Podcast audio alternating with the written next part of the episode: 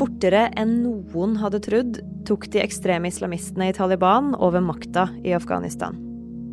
På bare noen dager så mista det som skulle være en sterk regjeringshær, kontrollen i de største byene.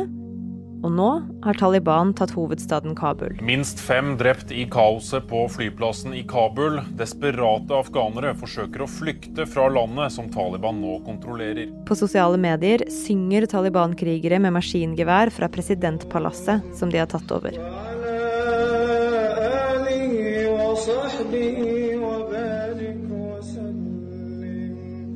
Åssen kunne den afghanske hæren tape så fort? Du hører på Forklart fra Aftenposten. Jeg heter Anne Lindholm, og i dag er det tirsdag 17. august. Den utviklingen man har hatt i Afghanistan de siste dagene, har jo vært eh, nærmest som en revolusjon.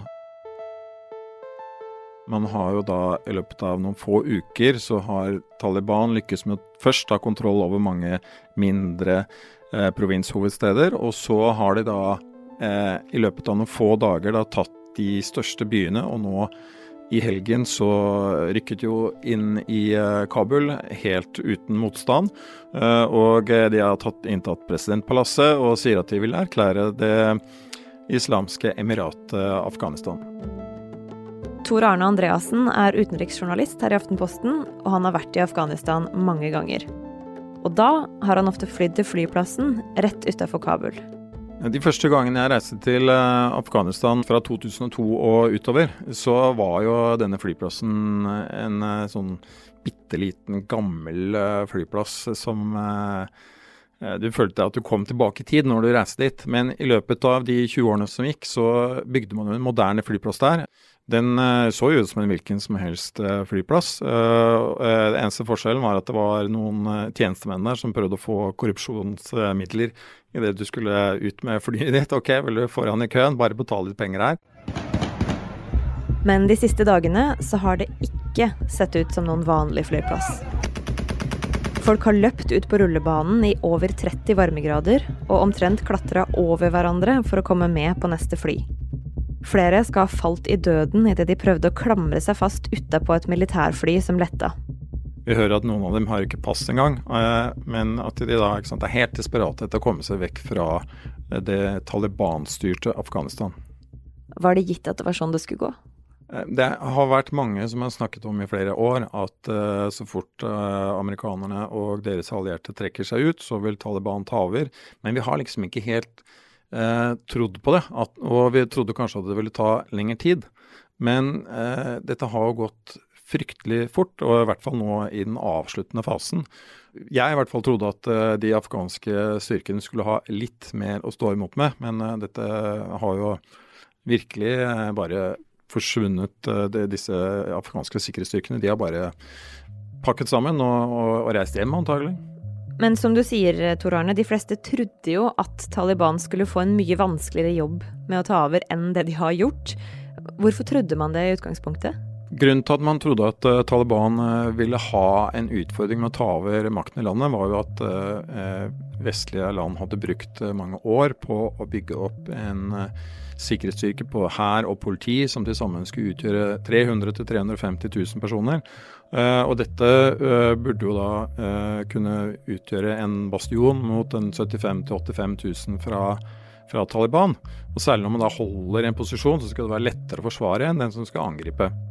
Så hele verden trodde at regjeringa sin hær på over 300 000 mennesker ikke skulle få det så vanskelig med å vinne over de rundt 80 000 fra Taliban. Men i virkeligheten så var bildet ganske annerledes. By etter by har falt, omtrent like fort som Taliban har klart å kjøre pickupene sine gjennom landet. Og kollapsen til de afghanske regjeringsstyrkene de siste dagene kom fortere enn noen hadde trodd på forhånd. Men egentlig så begynte de å falle fra hverandre for mange måneder siden.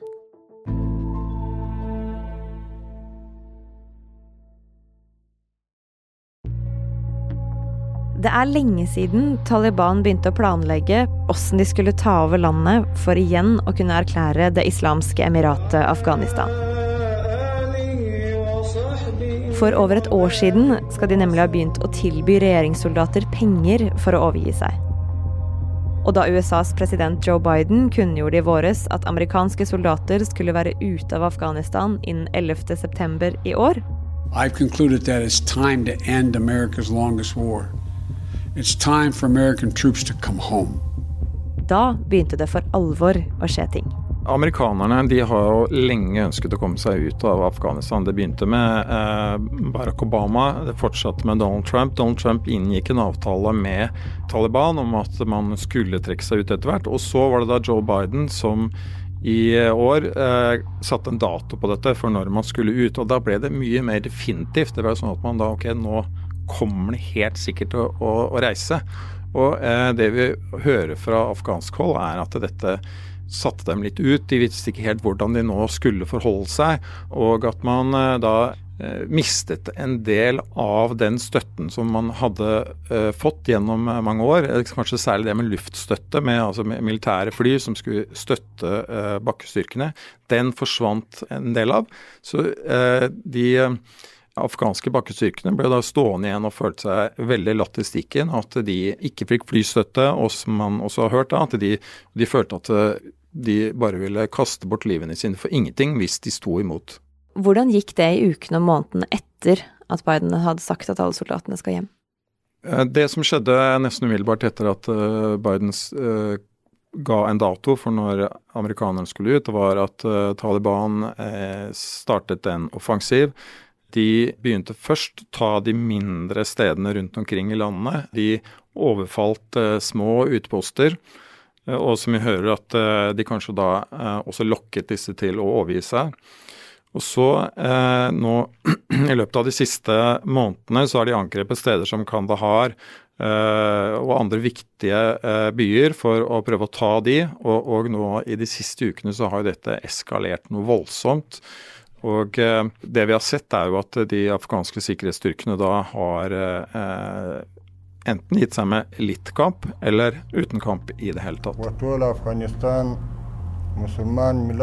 Og det blei ganske fort tydelig at tallet på folk i den afghanske hæren, som man jo trodde var flere ganger så mange som Taliban, faktisk ikke stemte. For saker fra The New York Times og Washington Post har vist at i hvert fall 70 000 av dem bare fantes på papiret. Så har man da i tillegg da sett at antallet som faktisk er i tjeneste har gått stadig nedover fordi at folk har overgitt seg eller reist hjem.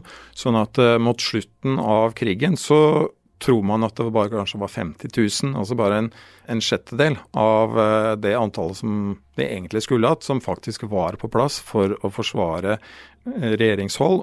og de 50 000 da klarte jo da ikke å, å, å forsvare noen posisjoner mot, mot, Taliban, og eh, det virker som om de eh, har gitt opp eh, på sted etter sted.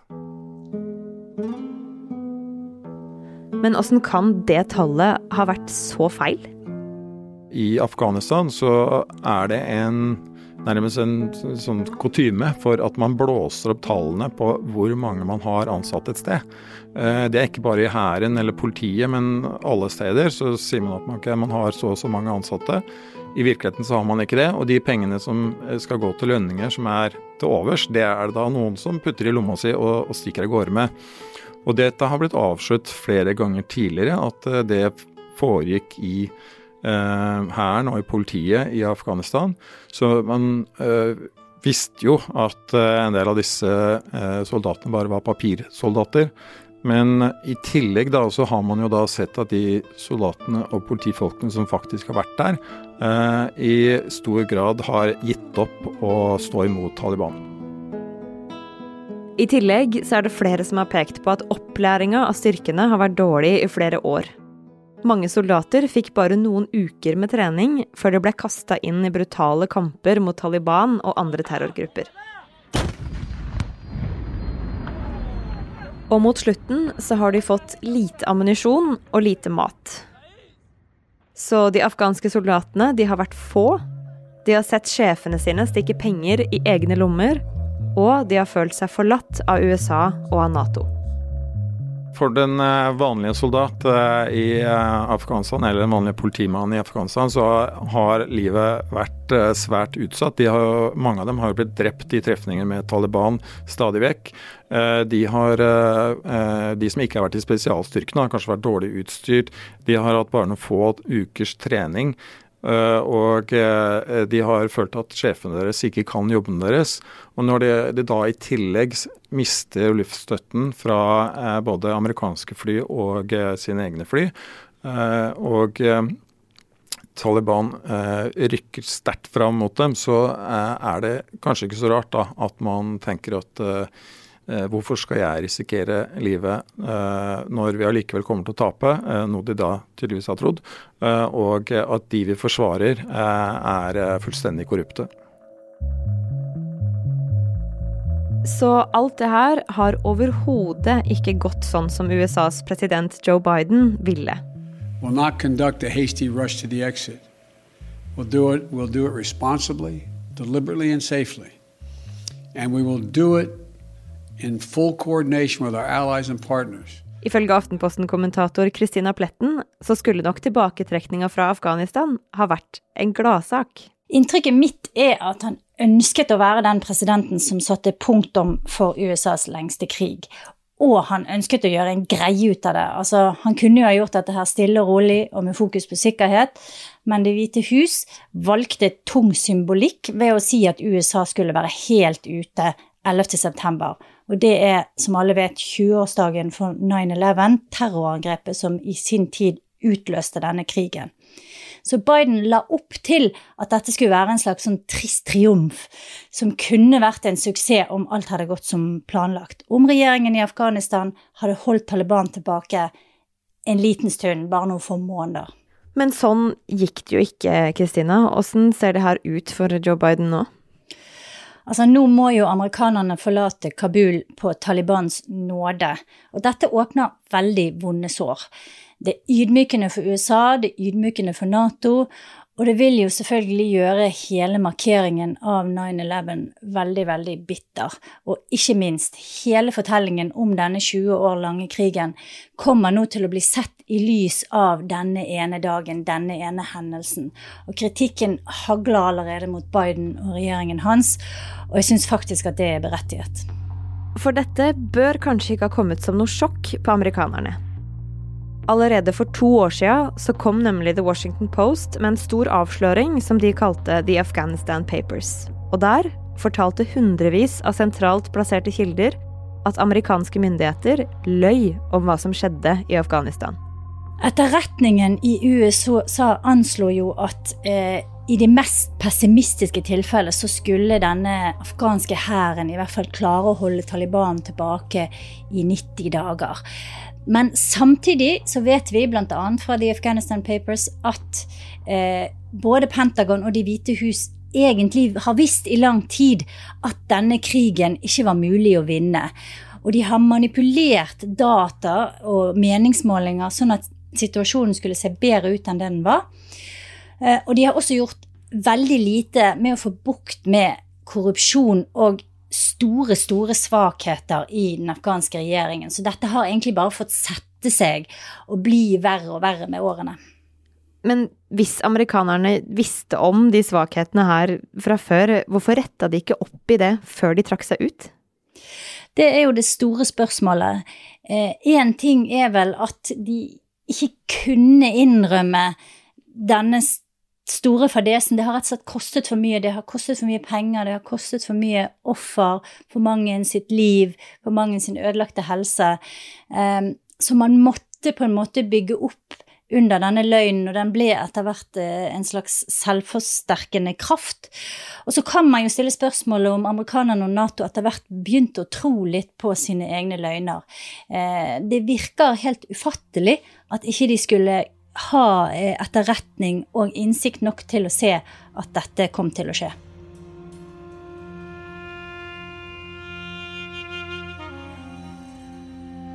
I løpet av den 20 år lange krigen i Afghanistan har minst 160 000 mennesker blitt drept, og mange av dem har vært sivile. Også ti norske soldater har reist til Afghanistan uten å komme hjem igjen. Men Kristina, håpet til Nato de siste åra har jo vært å bygge et slags demokrati i Afghanistan. Men nå har Taliban tatt over i løpet av bare noen uker. Betyr det at hele denne Nato-operasjonen har vært forgjeves? Det er mange nå som forsøker å si at det ikke har vært forgjeves. Selvfølgelig. Man påpeker at det har vært gjort store fremskritt i det afghanske samfunnet. At man har klart å holde Al Qaida eh, fra å gjøre flere terrorangrep, noe som jo var den opprinnelige hensikten med å gå inn i Afghanistan i det hele tatt. Eh, og man mener jo også at eh, kanskje Taliban er en litt annen organisasjon enn det var for 20 år siden. Men det er jo ikke til å stikke under stol at eh, dette her eh, blir et, eh, et, vendepunkt, et skille i historien. Jeg tror det vil være fryktelig vanskelig for Nato og for USA å rettferdiggjøre eh, en sånn operasjon, eh, i hvert fall i de neste 10-20-30 årene.